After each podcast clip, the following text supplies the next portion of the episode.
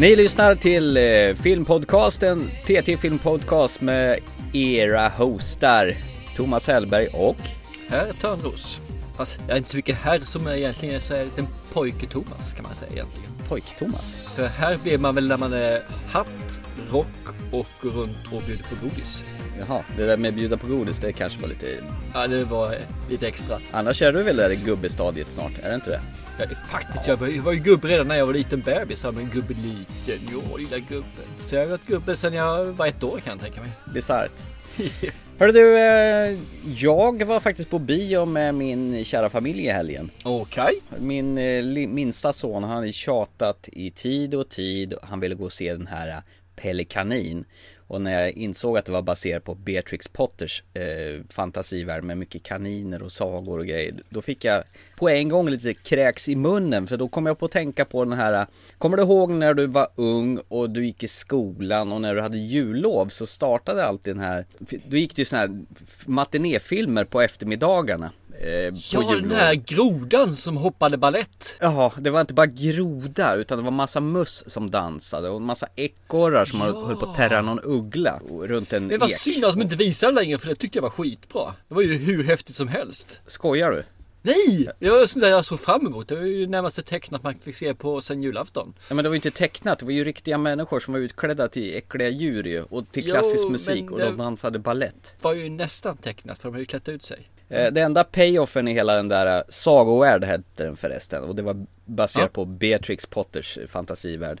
Eh, Var det där med, som sagt, de här ekorrarna som höll på att terra den här ugglan så var det någon som skulle "Hö, Kolla jag kan gå in och vara kaxig Och så kom han ut springande utan svans och så kom svansen utflygande så Ja, man, just det! så såg det var jättebra. Ugglan blinkade med ett öga där Ja, nej eh, usch Alltså det, jag känner, jag tänker tillbaka på den där filmen med äckel Men ändå så tittar man på skiten Det var väl det Det fanns väl ingenting annat att glo på då Jag minns faktiskt det där med lite ömhet och lite så här eh, kul. Fast att säga. Jag kanske glömt bort allt det här som du snackade om nu. Äckel och terror, mardrömmar och det här. Ballett. Jag kommer faktiskt ihåg det. Möss. Det var rätt okej. Det var kul. Möss Ballett Ja.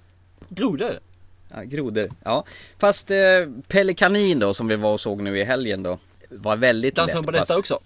Nej, alltså de första tre sekunderna, 30 sekunderna Fick man se några fåglar som kom och flög och bara sjunga bara men snälla någon vad det är jag ska se Men så kommer den här kaninen farande och bara trashar dem förbi och sen blir det en helt vanlig Schysst familjedatanimerad eh, familjefilm Som var faktiskt riktigt spännande Riktigt rörande, riktigt rolig. Lite så här vuxenhumor. Ja men den var ju helt fantastiskt bra. Med Dom Held Gleeson i en av huvudrollerna Blue jacket, no pants. You must be Peter Rabbit. How are you? Wait, didn't you try to eat me? Show me your teeth. It was you. I knew it. Who does this guy think he is? We have to take back our home. Why are you kids walking so slow? Let's hit him where it hurts. He was like, That's a serious electric fence. you can't out clever McGregor, so use his cleverness against him. Peter Rabbit. Rated PG. Och de här kaninerna, de var så sjukt snyggt dataanimerade. Det var liksom riktiga skådisar blandat med sådana här dataanimerade djur.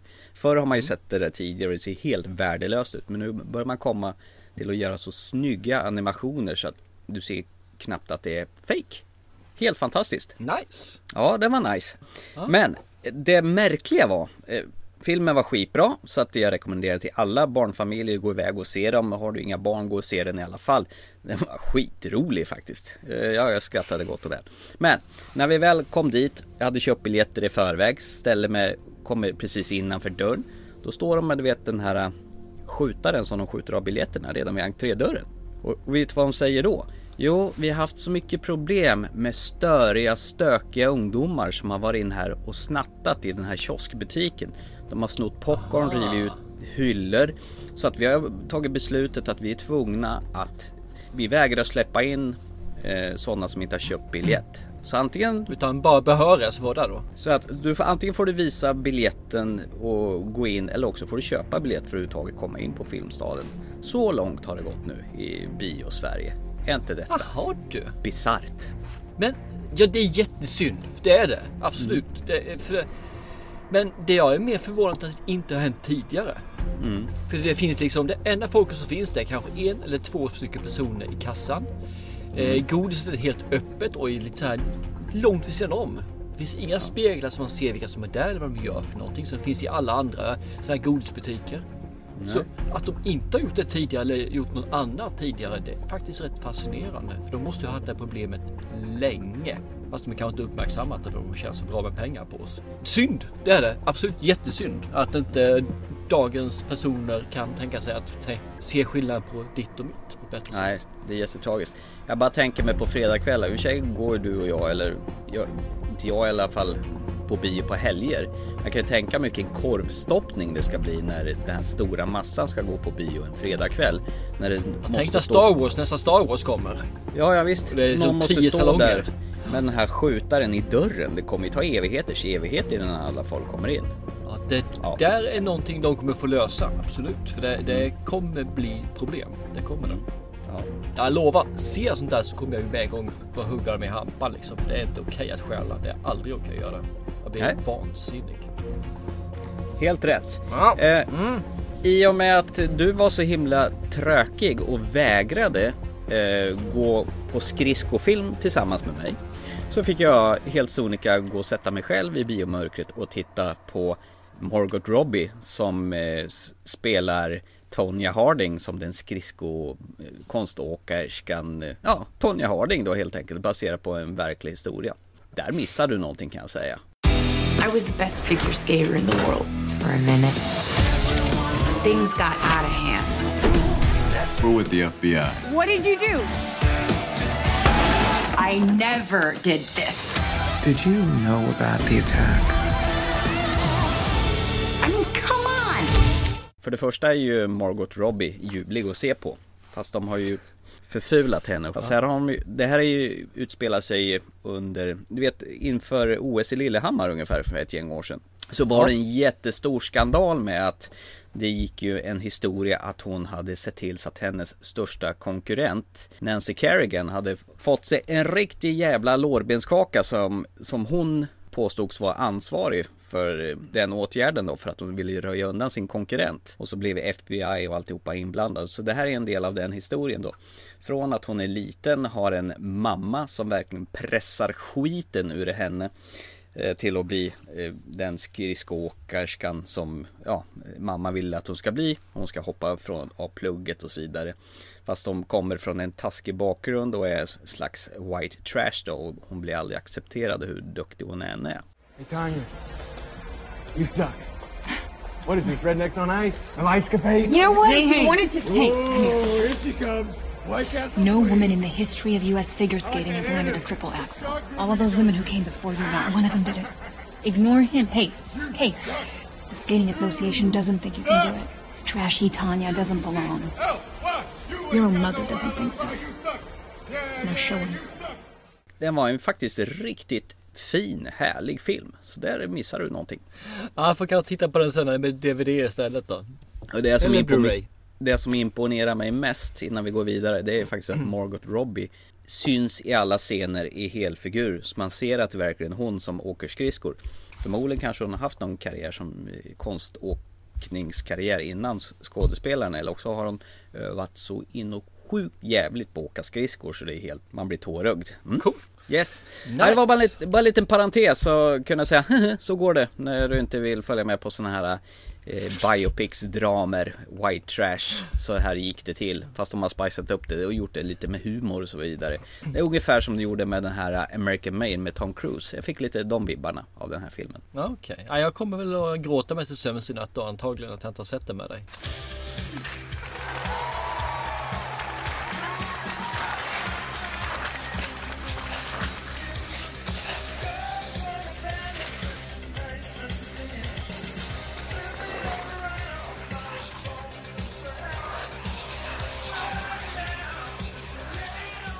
Så, ska vi lämna mina parenteser och gå till dagens första ämne i podcast nummer, jag vet inte vad. Är det Annihilation du syftar på? Ja, jag tänker det. Och den här har ju faktiskt en liten eh, rolig historia hur den släpptes på Netflix. Måndagen den 12 mars. Eh, tanken var ju att den här skulle gå upp på bio och det var ju Paramount Pictures eh, som tillsammans med Skydance som har producerat den här filmen. Eh, lagom till lansering på bio, den gick i och för sig upp i USA den eh, 27 februari. Och innan den skulle gå upp så gjorde man massa testvisningar på det här och testvisningarna föll inte så pass väl så att Paramount bestämde rätt och slätt att ja, vi säljer rättigheterna till Netflix över hela världen förutom i USA, Kanada och i Kina. Men resten av världen skickar de ut hela filmen redan nu här i mars. Så, hela, så man kan se den direkt därifrån. Jag tror att det är något vi kommer få se igen. Alltså ofta, eller ofta, ofta. Jag tror det kommer hända fler gånger. När man ser en film så här som antagligen inte kommer att eh, dra hem storkovan liksom i eh, biograferna. Och man vill inte skicka den till DVD för det ger inte den genomslagskraften heller. Och, och då kommer Netflix fram där och tar den här som har ett genomslag liksom med miljoner användare. Där kan man hitta en möjlighet till att eh, tjäna pengar på de här filmerna. Och jag tror att Netflix kommer att göra det fler gånger. Jag är mm. nästan till säker. Ja, de gjorde ju nyligen med eh, Cloverfield Paradox. Mm. Så jag tror de kommer köpa in sådär som finns det. För även om det är en smalare genre som tilltar det här så att räcker det att det är några, någon procent eller några procent av de här användarna de har liksom som kan tänka sig att se den. Och det då blir det massor av folk som ser den. Jag vet inte om det är bra eller dåligt. Jag tror bara det kommer att ske frekvent här framgent. It's something they termed the shimmer. Everything's stuck in a continuous mutation. It's expanding, threatening everything. Have to stop it. Annihilation, vad handlar det om? Ja, egentligen handlar det om att det har slagit ner en asteroid något liknande på ett, ja, ett lighthouse. Eller, en fyr. Passar det heter på svenska. En fyr, tack. En fyr. Ja. Fyrtorn. den sprider en bubbla kring sig som är så här skimrande. Och där inne i den bubblan så eh, fungerar inga, ingen radio. Man kan inte prata om det. Och alla som går in där, man säger så, de kommit inte ut igen. Så att eh, vi får väl egentligen följa en, en grupp som går in där och de upptäcker väl med en gång att här står det inte riktigt rätt till utan genetiskt mutationer går högvarv här alltså. Både på ena och andra sättet. Det finns väl X antal personer som, som har olika stories som man, som man mer eller mindre i alla fall. Och vad, vad anledningen är att de just kommer och ska undersöka den här då bubblan eller sfären vad ska säga för någonting. Jag antar att den är väl därför den kallas Area X eller sånt där liknande också. Mm. Det som kan läggas till här är att det är ju en av personerna som det handlar om då är ju Lena. Natalie Portman. Anledningen till att hon är där är ju givetvis för att hennes man då som är någon sån där undercover eller specialagent eller någonting som åker iväg och kör soldat. Har ju då givetvis varit där inne och har kommit tillbaka och när han kommer tillbaka så har han ju massiva inre blödningar. Han håller på att gå åt skogen, han kommer dö och hon hoppas att hon kan rädda honom genom att gå in och ta reda på vad som finns där inne och hur det fungerar. Det är väl egentligen hon som är huvudrollsinnehavaren även om jag känner att alla får nästan lika mycket tid. Mm. Det är ju extremt härligt. Mm, det tycker jag med. Det är uppfriskande. När jag satte på den här filmen så visste mm. jag nästan ingenting om den. Jag har sett en kort och menar verkligen kort trailer. Eh, och det är den här krokodilscenen som man får se en liten bit på.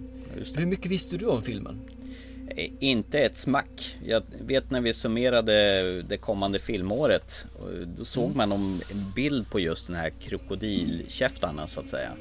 Och sen att det var någon sci-fi film och såg någon poster när de står framför det här skimret som det kallas. Att de ska mm. gå in i en okänd värld som ingen har kommit tillbaka ifrån. Det var väl egentligen det jag visste.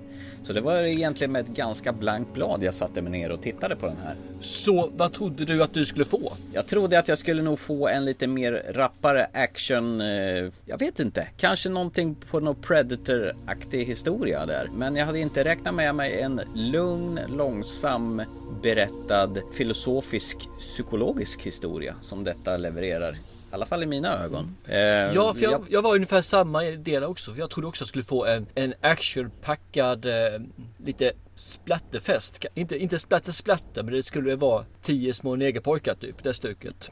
Mm. De, de, skulle gå åt en efter en samtidigt som de då drevs in i den här eh, sfären längre och längre in i skimret som du säger. Jag var också väldigt förvånad när det var mer en, en karaktärsfilm egentligen. Man, man mm. fick följa med personerna och varför de är där och dialogerna mellan de här fyra kvinnorna som är där inne då. Fem är de förresten, fem. Ja. Våran egen Tuva Nuvotny var med på ett hörn och pratar perfekt engelska. Sjukt imponerad faktiskt.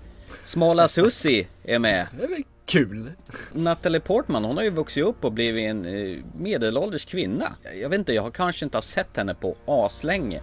Eh, väl, det, var, det var väl senast i de här prequel-filmerna på Star Wars Episod 1, 2, 3 och sen förstås V for Vendetta. Jäklar vad hon har mognat till sig. För jag har ju inte sett Jackie när hon spelar Jackie Kennedy. Nej, det har inte jag heller gjort. Så att det blev ju ett jäkla tidshopp från de filmerna man har sett henne fram till nu och det var ju nästan på snudden man knappt känner igen henne, tycker jag. Tror jag sist jag såg henne så är det väl i Thor The Dark World. Hon är Jane Foster. Ja, det är ju sista gången jag såg henne så. så att, men det är inte riktigt eh, så man är van att se henne. Liksom. Jag- För mig är hon ju fortfarande i V för Vendetta. Det är ju där som jag känner att där har vi Natalie Portman. Alltså. Men då måste ju du också känna att hon har vuxit upp ordentligt sen dess. Ja, det har hon gjort. Hon har mognat. Hon, både som eh, skådespelare och person faktiskt. Sen är det ju lite spännande att se Oscar Isaac i en väldigt dämpad roll. Vi har ju sett honom som skäggig psykopatgubbe i Ex Machina till exempel. Och sen ser vi honom som Poe i eh, Star Wars-filmerna, de här senare då. då där han spelar den här eh, rebellen då, som eh, har lite hetlevrad och tar egna beslut. Här spelar han en helt annan typ av roll. Kane heter han ju här då, hennes eh, Lenas man då som har försvunnit och kommit tillbaka. Man kan ju säga så här att massor som är med i den här filmen har ju varit med i Ex Machina också ju. Eftersom det är ju samma, vad heter regissör? Hörru du, det, det stämmer ju. Det är ju faktiskt regissören till Ex Machina som har gjort den här filmen. Det är, ja, jag trodde ju att när jag såg just att han hade varit med där så tänkte jag Ex Machina gjorde han ju med bravur. Det var ju det årets bästa film, alltså 2014 års bästa film. Ja, herregud vad bra den Men det verkar som det är genomgående trend att när man gör en, en film, första filmen och den går bra så återanvänder man folk som man känner sig bekväm med. Och Oscar Isaacs var ju helt suverän i Ex Machina. Mm. Däremot vet jag inte vad han går på i den här filmen. Nej, Valium. Ja, mer än Valium. Han går för fasen på askar med Valium alltså. Det är ju, Mm. Jag vet inte alls. Men som sagt var, det är kanske den karaktären han ska vara i den här filmen. Men det känns bara så jäkla fel. Han har ju så. Ja. jäkla mycket kraft i sig. Så varför kunde inte han få spela ut det registret? Om jag nu ska anmärka på någonting så tycker jag nog att Lenas och Keynes, eh, man får ju se lite tillbakablickar hur de har haft det förr i tiden. Så Mm. deras eh, äktenskap, eller man ska säga, eller deras förhållande är väldigt okemiskt. Det känns som att de två är från helt två olika planeter. De ska föreställa ett par men jag ser inte framför mig att de gillar varandra. Jag vet inte, de, någonting funkar inte med kemin med de två. Okej, jag tyckte det gick helt okej när man får de här tillbakablickarna. Tycker det fungerar Mm. ganska bra faktiskt. Ja, jag vet inte. Eller också tyckte jag att de verkar ha jävligt tråkigt tillsammans. Förutom när de ligger med varandra.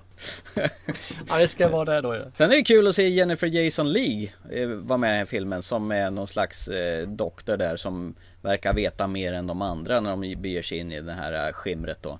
Eh, Jag menar, henne har man ju sett sönderdragen i liftaren en gång i tiden och hon är ju med i Mm. eh, The Hateful Eight som den enda kvinnan i det här Quentin Tarantino kammarspelet. Så att hon har ju fått någon sån här revival på sistone också med tanke på att vi pratade om skådespelare från förr som har blommat upp igen. Mm, det är kul sådär tycker jag. Nu har hon ju gjort eh, en del eh, roller i alla fall, men inga av de här större filmerna direkt. Och så har hon ju varit med i lite tv-serier som Weeds till exempel, som jag tycker faktiskt är rätt så gullig tv-serie. Jag har bara sett lite grann på det, men det, det fungerar tycker jag. En enklare och lite mer eh, gullig variant på eh, han som gör den här eh, Meth. Breaking Bad. Precis. Ja. Men eh, tyckte du om det här då? Annihilation.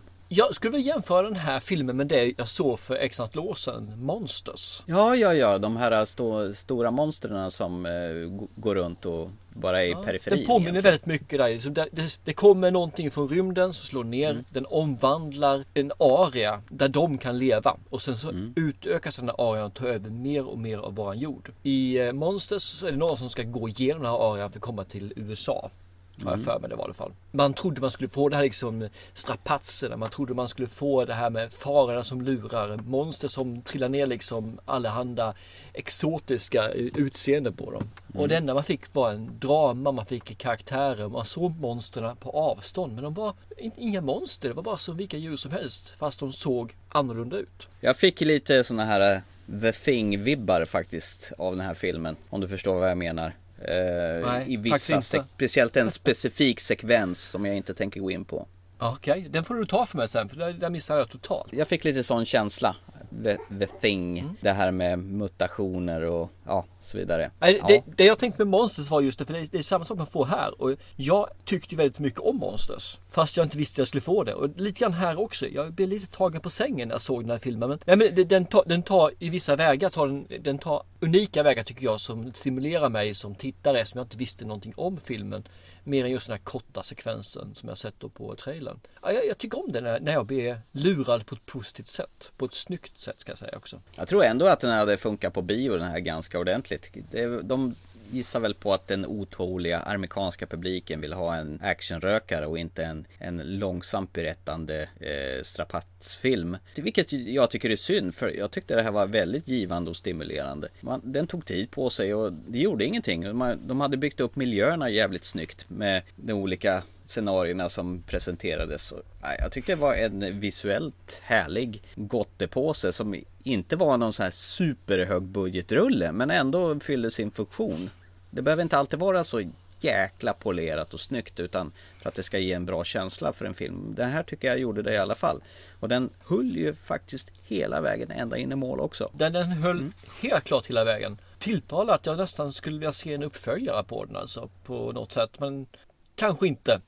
Den, den skulle kunna gå att göra någonting med. Nej, jag gillar ju den här Eh, och Alex Garlands tidigare Ex Machina så det ska ju bli jäkligt spännande att se vad han hittar på framöver. Ja, det, han gör udda filmer kan man ju lugnt säga i alla fall ju. Nej men jag kan bara säga att den här filmen rekommenderar jag varmt att se. Men det är ingen action som jag trodde den skulle vara. Och tittar man på IMDB så hade jag inte blivit lurad egentligen om jag- om jag hade gjort lite research på den. För där står det ju adventure, drama, fantasy. Anledningen till att jag blev lurad är för att jag hade förutsatt, jag hade liksom tyckte och trodde när jag såg på en trailer att det skulle vara någonting. Och det kanske man får säga att trailern lurar mig lite grann. Men, men den är klockren tycker jag att fördriva tiden. Den kändes aldrig lång trots sina två timmar. Och visuellt jävligt snygg faktiskt. De tog sig tid på att visa upp den ordentligt. Det är ju så långt ifrån sådana här snabba MTV-klipp som vi är så allergiska mot det kan komma.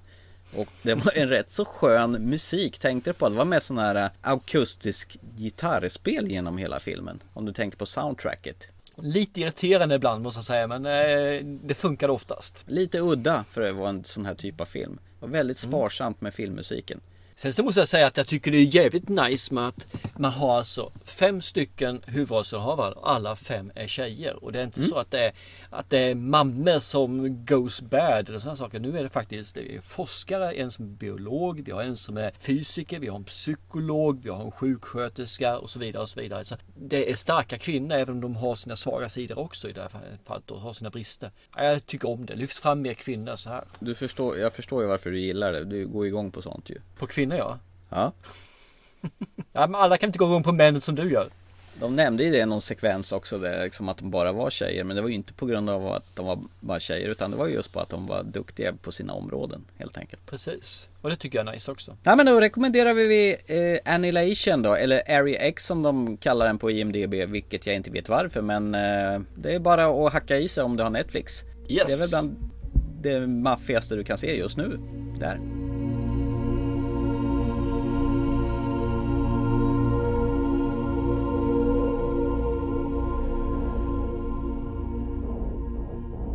Då går vi vidare till katastrofen igen då. Världen ska gå under för 115 gången eller något, över eller mittemellan. Och det är inte han som brukar ta livet av eh, världen eh, som har gjort 2012 eller Day After Tomorrow. Utan det här är någon karl som heter Dean Devlin som har gjort en film som heter Geostorm. We built a system of satellites to control the weather. They said it was impossible, but we pulled it off. It worked. Perfectly. So what do people do with it? They turn it into a gun. Geostorm, only in cinemas. Det här är en action sci-fi thriller då Som är purfärsk från 2017 som precis har kommit ut på Blu-ray Och vad förväntas vi se denna gång när jorden ska stå för stora prövningar då? Ja, den här gången så har ju människans påverkan gjort eh, att vi får stormar, vi får massa oväder, vi får, det dyker upp mer och mer av de här sakerna som vi har sett hittills. Översvämningar, eh, torker. Människan säger att jorden håller på att göras obobar för mänskligheten. Så hela mänskligheten mer eller mindre sätter sig ihop och gnuggar sina geniknölar för att rädda situationen. Och kommer fram till att om vi täcker hela jorden runt med satelliter som ska styra vädret så kan vi kunna få bukt med det här. Givetvis så lyckas ju de här och USA är givetvis som, som tar charge och eh, får äga rättigheter att styra den här maskinen under x antal år innan de ska lämna över det till ett världssamfund. Problemet är bara att precis när det börjar bli dags för att lämna över det till världssamfundet så börjar det hända konstiga saker. Mitt i öknen fryser alla till is. Det blir tidvattenvågor i Sahara. Vi får liksom att sådana här saker som aldrig har hänt på flera år nu börjar hända igen med naturkatastrofer. Och de måste reda på vad är det som har gått fel? Vem, vad eller hur är det som gör att det här sker? That's it. Ganska enkel eh, plott får man ju säga. Den är papperstunn. Ja men det är väl så. Den är skriven på en eh, servett under någon middag någonstans kanske. Ja, typ. Vad mer vill du säga om filmen? Ja, jag vet. Jag kan säga att Gerard Butler eh, frontar den här filmen. Han som är känd för London has fallen, Olympus has fallen och så vidare. Med 300. Ja, där är han ju också med och är jävligt pumpad. Den här filmen är ju, tycker jag, precis så som en amerikansk Hollywoodfilm ska vara. Med, med amerikansk Hollywoodfilm så menar jag liksom att det är Amerika som står i centrum. Den har allt. Den har egentligen, eh, som i det här fallet, en, eh, två bröder som har varit väldigt nära små. Har vuxit fram från varandra under karriären av olika anledningar. Ena har gått mot politiken, den andra har gått mot att vara ingenjör och den som handgripligen gör saker och ting. Vi har även nu då alltså ett gäng med forskare som finns där uppe som har alla sina egna stereotypa utseenden och förmågor. Vi har IT-snubben, vi har eh, säkerhetsnissen och så vidare och så vidare. Det, det, finns allting där. Egentligen så är det ju som en, en high school-film sig så de har gjort alla oss sina fack. Och sen har vi då givetvis en maskin som håller på att gå haywire av ett eller annat fel. Och givetvis så måste man givetvis kasta med en riktigt fin kitometer.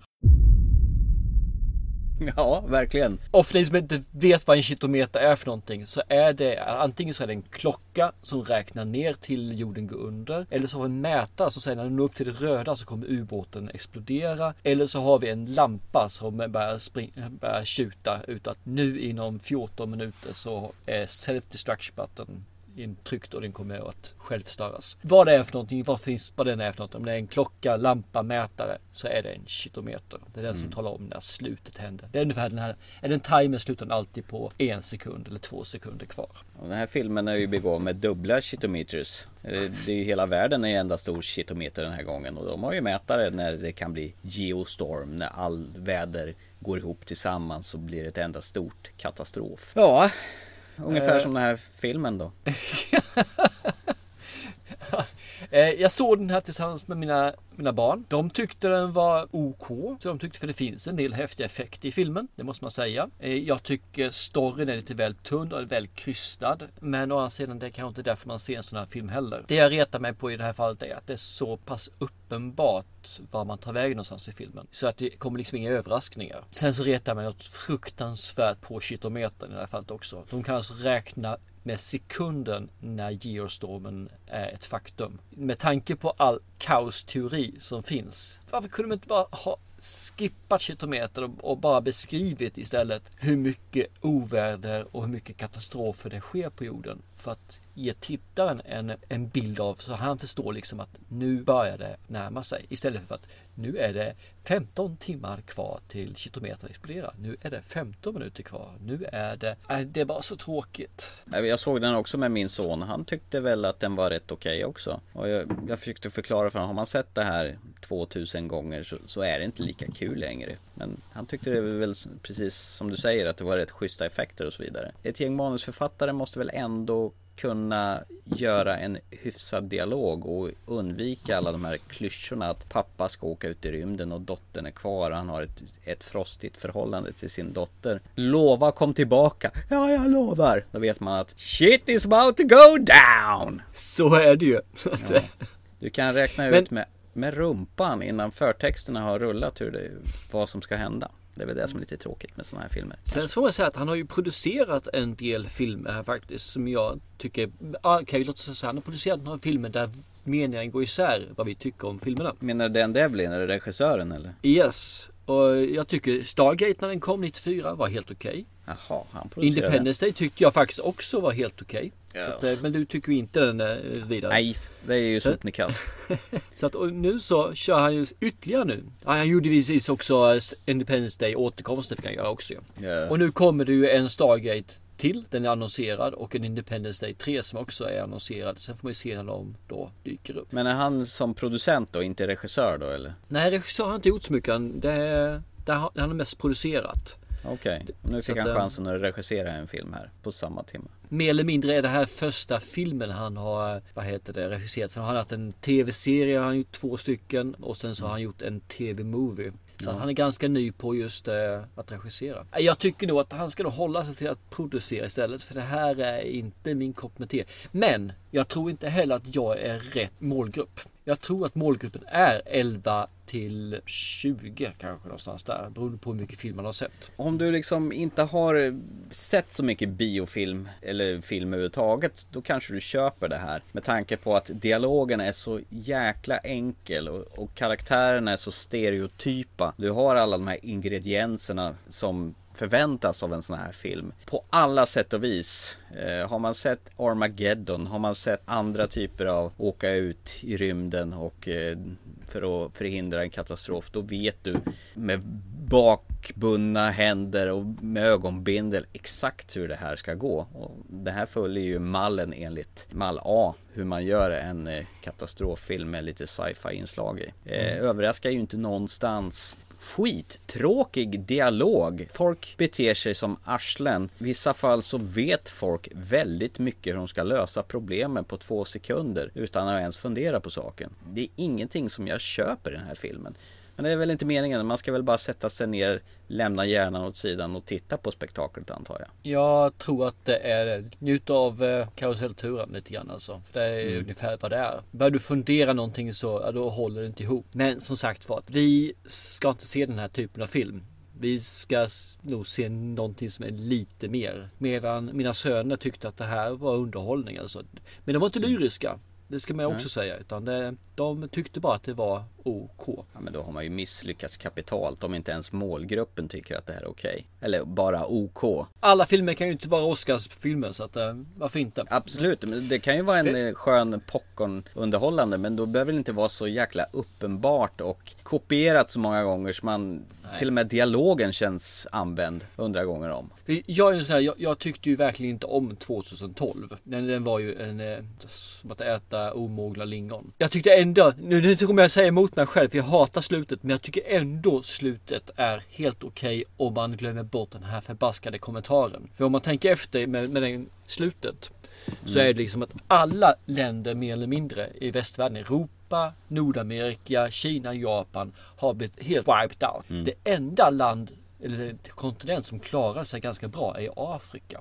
Ja, du tänker på 2012 nu ja. Ja, precis. Och det tycker jag är så jäkla nice i den filmen. För helt plötsligt, vi har utarmat Afrika under kolonisationstiden. Och nu helt plötsligt så måste vi komma dit där som flyktingar. Ja, jag tycker, varför inte karma liksom? Och det andra är väl den här End of Days, eller heter den Day, of, Day After Tomorrow. Vilken är den här? Vi får eh, klimatzon, eller klimatpåverkan igen. Så vi får att det blir kallt som attan ibland och det blir varmt ibland och det här köret. Och det slut, den filmen slutar ju med att Amerika får emigrera till Mexiko. Och jag tycker det är så skönt därför man kan dra paralleller till dagens pol- politiker i USA. Den presidenten sa nej det är inte vårt fel som gör det här. Det finns en president i USA just nu som säger samma sak. Och han vill hindra mexikaner från att komma in i USA genom att bygga en stor mur. Det behöver inte något namn på den presidenten eh, utan eh, ni får gissa vilken det är. Och jag tänkte bara om det här nu händer nu då. Han bygger sin mur och sen händer det här samma sak nu att klimatzonen gör att det blir iskallt. Vi får mer eller mindre en istid igen. och då måste dra mot varmare länder. Då finns den där muren där helt plötsligt. Och vem tror du kommer stå på andra sidan och försöka mota dem? Nej, jag tycker det är lite så här snyggt här. Så jag hoppas nästan. Så här. Ja. Hör du, den filmen skulle jag vilja se istället för det här crappet. ja, precis. Fast det hade varit en komedi vi, vi har kommit på någonting. Vi, vi vill ha Gerard Butler i huvudrollen. Och han ska vara, ja just det, vi ska inte säga namnet. Vi ska inte göra nej, nej. nej, just det, vi får inte göra det. Han som inte nämns vid namn. Precis, det enda vi kan säga liksom när det kommer något flygande så säger man Duck Donald, Duck! Hörru du, eh, ja jag vet inte. Ska vi lämna den här? Ja, det känns ja. ju som varken du eller jag tyckte att det här var mycket att hänga i julgran. Om vi ska Nej, inte för mig i alla fall. Det här var Nej. ingenting för mig. Men som sagt var, en yngre publik som kanske ser det här för första eller andra gången. Där tror jag det här kan fungera alltså. Det, det mm. gör det nog. I alla fall ja. tillräckligt bra.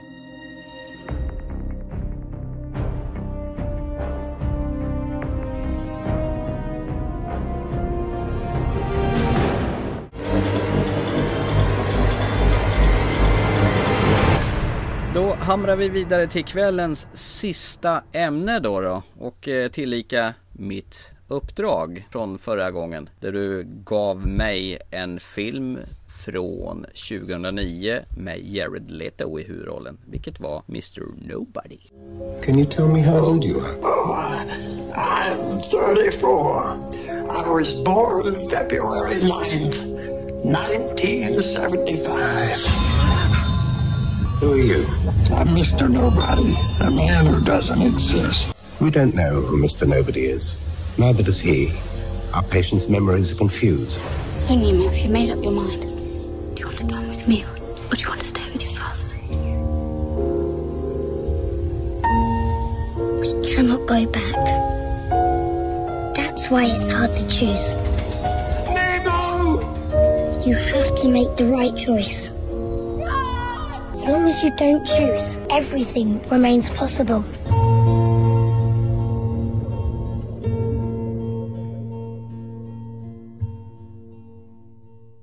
Ja, då är det dags. Och eh, avlägga bön.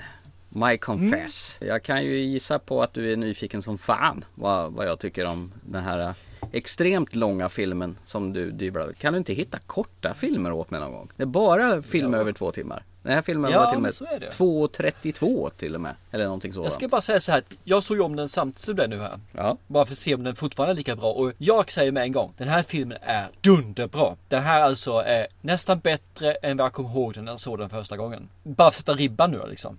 Det här är super, dunderbra, klockrens bra. Det är, det är liksom ja. ett av de bästa som man kan se. Så, vad tyckte du?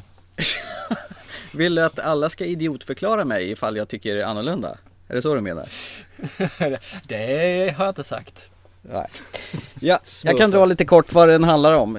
Vi träffar då Mr Nobody. Han heter Nemo till och med. Man får träffa honom i olika skeder i livet, men i form av en berättande gammal man. Han är skitgammal. Eh, han är väl eh, lite över, en bit över 100 år. 118 eller 115 någonstans va?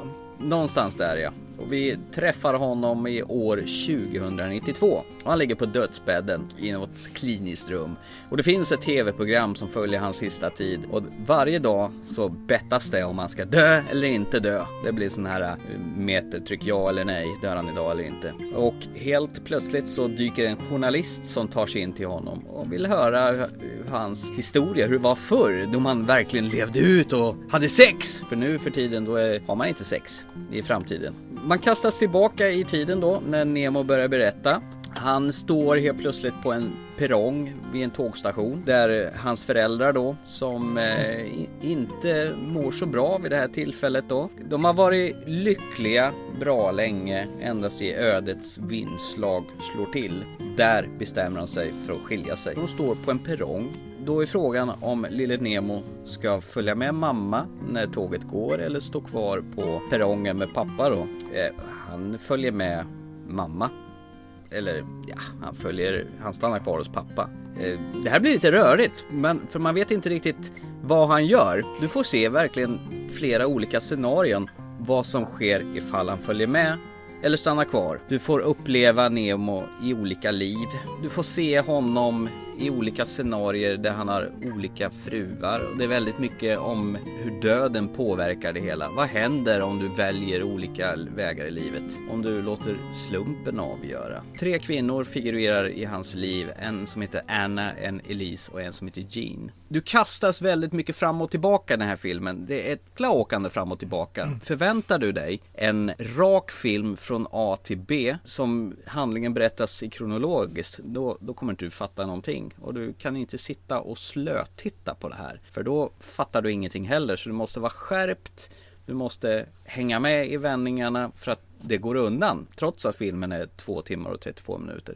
Det bjuds på en filosofisk film som studerar livet och döden och vad som händer i de här olika valen du gör här i livet. Det är en skitsnygg film. Den är bländande och utmanande och det är jävligt mycket läckra kameraåkningar och vinklar och de trollar med lite effekter. Det, det trixas ordentligt med ditt sinne med den här filmen. För att du måste vara fullt investerad med den, annars blir du borttrollad. Så är det.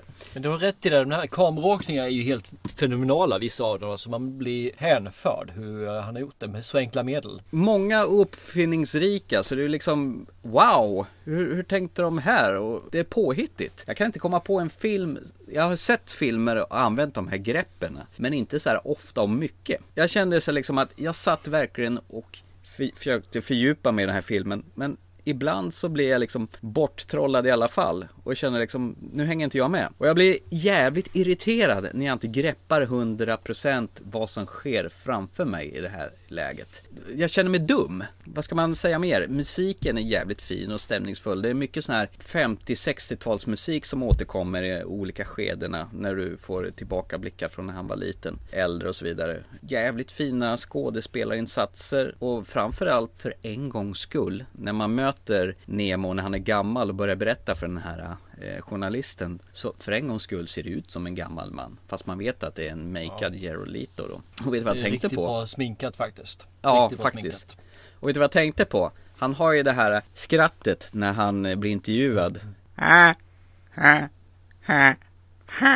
Och det använder han ju som Jokern i Suicide Squad också ju. Det är det enda i filmen som jag inte tycker om. Så är det just hans skratt. Ja. Det, är, det är liksom så falskt och fabrikerat. Så att det Men erkänn att det måste vara varför? samma garv han använder som Jokern. Mm. Det, jo, jag tänkte på samma sak. Jag tänkte också på det. det. det. måste vara exakt samma. Det jag kan lägga lite på minuskontot om vi nu ska vara lite kritisk. Det är väl att jag tycker att den är lite på tok för lång. Men nu såg jag ju extended version som är tror jag en kvart längre än originalet. När filmen väl är slut så känner jag att jag har fått lite överdos. Alltså jag har ledsnat lite grann. Förstå mig rätt nu, den är ingen dålig film överhuvudtaget. Men det hoppas ju fram och tillbaka konstant i två timmar och 30 minuter. Så det blir lite övermäktigt. Jag känner att den här filmen blev lite mycket för mig faktiskt. Den är jättefin, den är visuellt bländad, men på grund av att den spänner sig under så lång speltid så, så blir jag lite, vad ska jag säga, det är en överdos för mig helt enkelt. Mm. Ja, jag fast, tror jag förstår hur du menar. Eh, själv så blir jag ju så investerad i filmen så att jag eh, är i filmen på ett helt annat sätt. För mig mm. blir det ingen överdos utan jag vill nästan ha mer istället. Oj. Så att eh, ja, jag känner det. Den här filmen tilltalar mig på i stort sett alla plan. Det enda som jag inte tycker om med filmen är just hans skratt som gamling.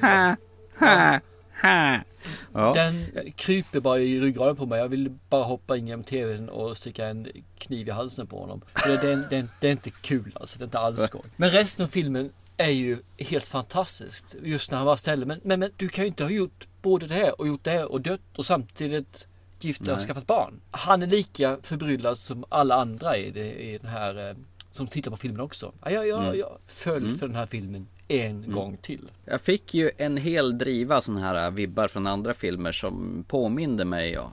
Jag bara kom att tänka på automatiskt när jag såg den här. Jag tänkte dels på Butterfly Effect, du vet den här med mm. Hassan Kutcher. Yes. Och så kom jag att tänka på Sliding den här Doors.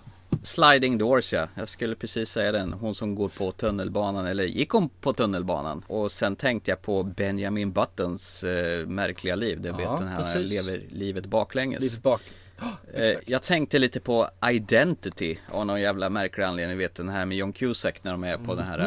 eh, regniga hotellet. Och lite snudd tänkte jag på Total Recall också på något märkligt vis. Det här med Arnold Schwarzenegger. Så jag kände liksom att det var bitar från alla möjliga filmer jag sett tidigare. Fast det här var ändå bland det visuellt snyggaste jag har sett i den genren. Supersnygg film, men den greppade nog inte mig lika hårt som den greppade dig faktiskt. Nej men det kan jag förstå. För den greppar mig totalt den här filmen. Så att eh, det är nog svårt att eh, nå upp till den nivån. Ja, det, jag tror inte att det här är en film för alla. Eh, Vi har pratat tidigare om tålamod och den här filmen så behöver du både ha ett ordentligt tålamod och ett öppet sinne. I och med att den har ett sånt annorlunda narrativ än vad det brukar vara. Att du verkligen Gillar du en rak historia mellan punkt A och B då blir det en dikeskörning med större mått. Men eh, gillar man en utmanande historia med olika scenarier med samma karaktär som slängs med olika tidshopp som kommer tätare innan du hinner säga Hej knäckt. Eh, Då här är ett smörgåsbord för dig. Hej knäckt! Ja. Ja nej, men det, jag, jag köper det. Det gör jag faktiskt. Men för mig var det lite för maffigt. Och så här i efterhand Mm. jag såg den här filmen för någon vecka sedan ungefär. Den har försvunnit lite i periferiet. Oj, okej. Jag som sitter fortfarande lite grann och myser till den här filmen också. Såg den också för ett par veckor sedan. Och jag sitter fortfarande och myser lite grann. Och jag, när jag såg den, när jag hade sett klart filmen så Mm. vart jag skitglad. Jag är liksom så här ett lyckopiller. Lite grann som när man gick in och såg den här Zombieland efter den. Ja, just det. Helt Ja. annan typ av film. Men när man går därifrån så är man glad. Man är, allt det här slagget från vardagen är helt bortkastat. Man har bara den här guldskimrande känslan kvar. Så för mig var det här liksom, ja, det är som meditation liksom. Man kommer därifrån och är en ny människa. Mm. En glad, positiv, ödmjuk människa. Alltså jag måste säga att det här var nog den bästa film jag har sett med Jared Leto faktiskt. Det var den bästa prestationen han någonsin har gjort av de filmerna jag sett. Utan att gilla killar, han är för jävla snygg den karln. Herregud. Han borde inte ha något problem bland, bland kvinnorna. Eller killarna antagligen. Nej, det också faktiskt. Ja, han har en jävla utstrålning. Den karln. Jag har faktiskt inte jag sett måste det. nog säga att jag fortfarande tycker han gör näst, jag tycker han gör bättre faktiskt i Dallas Buyers Club. Ja, ja, när han Den är är transvestiten. ruggigt bra. Ja, där gör han, en rikt- han är ingen huvudrollsinnehavare givetvis. Men jag skulle nog säga att han gör en bättre rollprestation där än vad han gör som Nemo. Fast den är ju så extrem. Här är han ju lite mera, han är ju en och samma karaktär fast du får ju träffa honom i olika scenarion.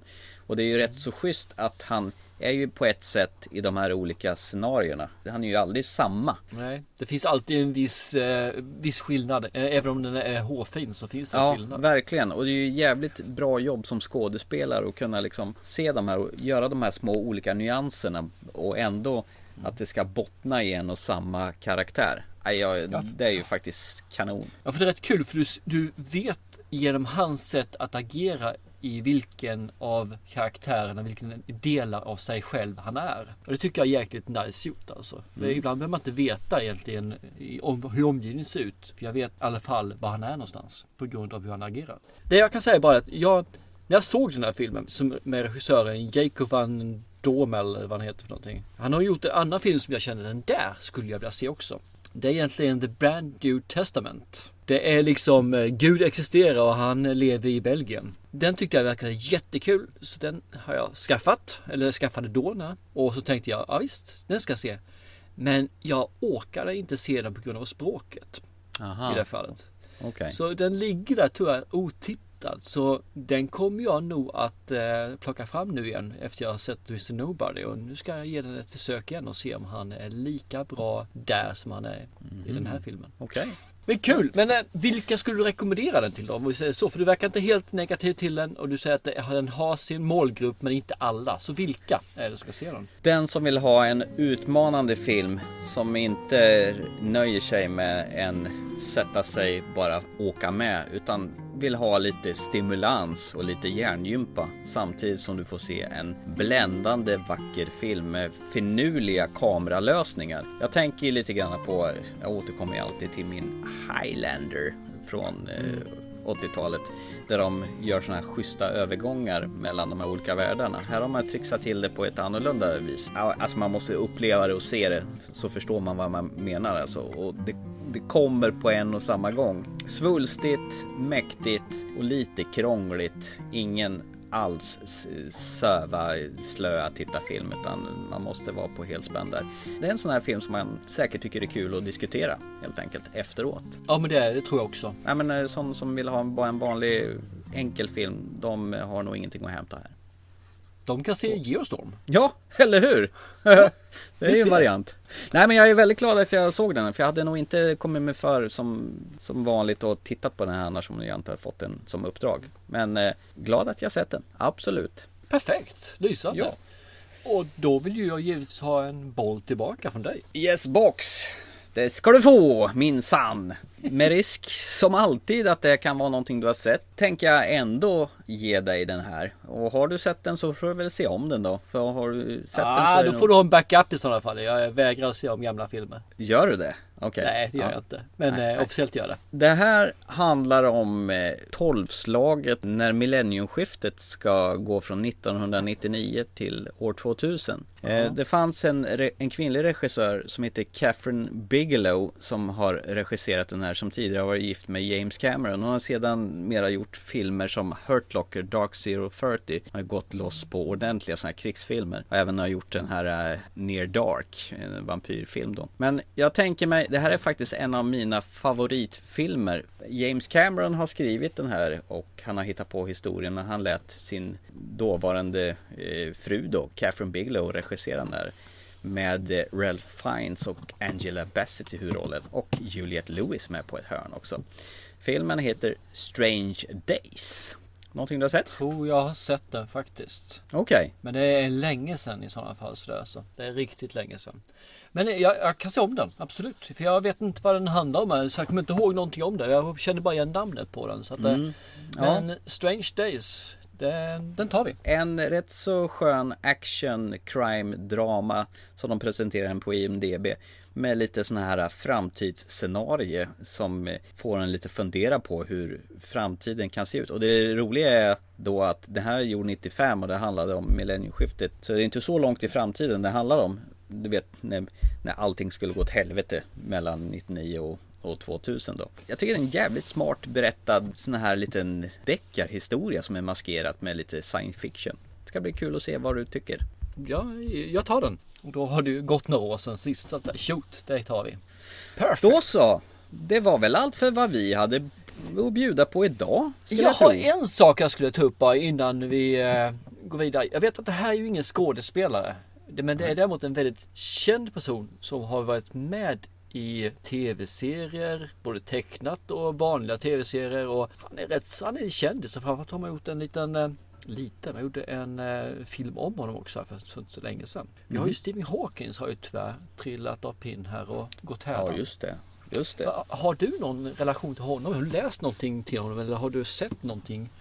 Framförallt har du sett uh, The Theory of Everything? Har du sett det? Ja, ärligt talat så är väl egentligen den enda källan till information som jag har när det gäller Stephen Hawking. Och sen att de har gjort parodi på honom i tid och otid i, i och satir i, i, animerade filmer och Simpsons och diverse. Eh, att han sitter i sin rullstol och är som en grönsak och så vidare. Och att han är jävligt smart. Han måste vara en av världens smartaste människor. Ja, han var ju det. Han var ju ratad som världens smartaste då ju. Så att, eh, över 230 IQ tror jag eller en sån här sak. Ja det är väl egentligen allt. Det var jävligt tragiskt att han fick den här sjukdomen och ja, hamnade där han hamnade. Jag tycker det är så imponerande för han har ju skrivit flera avhandlingar som han gjort och det gör han ju bara genom att låta ögonen titta på bokstäver. Och sen, mm. jag menar på att göra en sån sak tar ju lång tid och han, ändå skriver han mer än den vanliga människa gör liksom på hela sin livstid. Och han verkar ha haft distans också. Han, han har ju haft väldigt mycket humor och självdistans till det. Han är ju med i en tv-serie, eller var med i en tv-serie som heter Big Bang Theory. Som du känner igen kanske? Ja, ja absolut. Där är han ju med i, i den och gör liksom spär sig själv eller ja, driver med de här. Så att, jag tycker det är jättekul. Han verkar ha eller haft självdistans. Och samtidigt mm. så har han haft en, varit en otroligt bra fader också. Om man får uh, lyssna på hans barn då, vad de säger för någonting. Så att eh, han verkar ha gjort mer än vad många andra har gjort och det har han gjort under 76 eller 76 år och varav jag tror att den är 50 år och de har varit i rullstol då. Och han skulle inte bli mer än 24, 25, 26 år. Det var det de gav honom liksom. Efter det Mm. så kommer du att vara död.